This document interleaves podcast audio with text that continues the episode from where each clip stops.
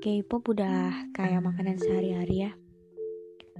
Orang-orang mulai menormalisasinya karena dia ada di mana-mana. Iklan TV, online shop, bahkan game.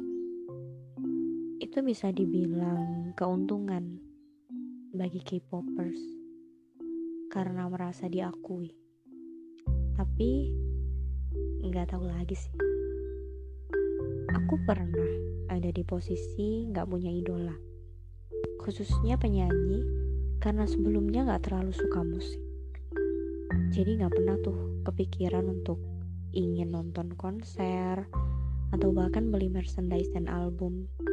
Gak, gak sama sekali. Tapi sekarang berbeda Aku jadi sering nolongso hanya karena ngeliat fit dan story orang lain penuh dengan kebahagiaan berkeipopan. Kayak, kok mereka bisa seberuntung itu? Katanya, semua punya kekurangan dan kelebihan.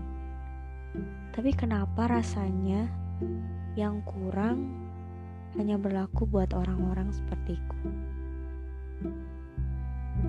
yang gak punya uang. K-pop membuatku merasa dicintai sehingga aku lebih bisa mencintai diri sendiri, merasa lebih berharga, lebih punya keberanian untuk mengekspresikan diri. Tapi gak jarang, semuanya tampak berlebihan, sehingga aku malah merasa kecil, bahkan sangat kecil. Jadi, Mm, being a K-popers makes my a rainbow, but being a poor K-popers, ya agak beda sih ceritanya.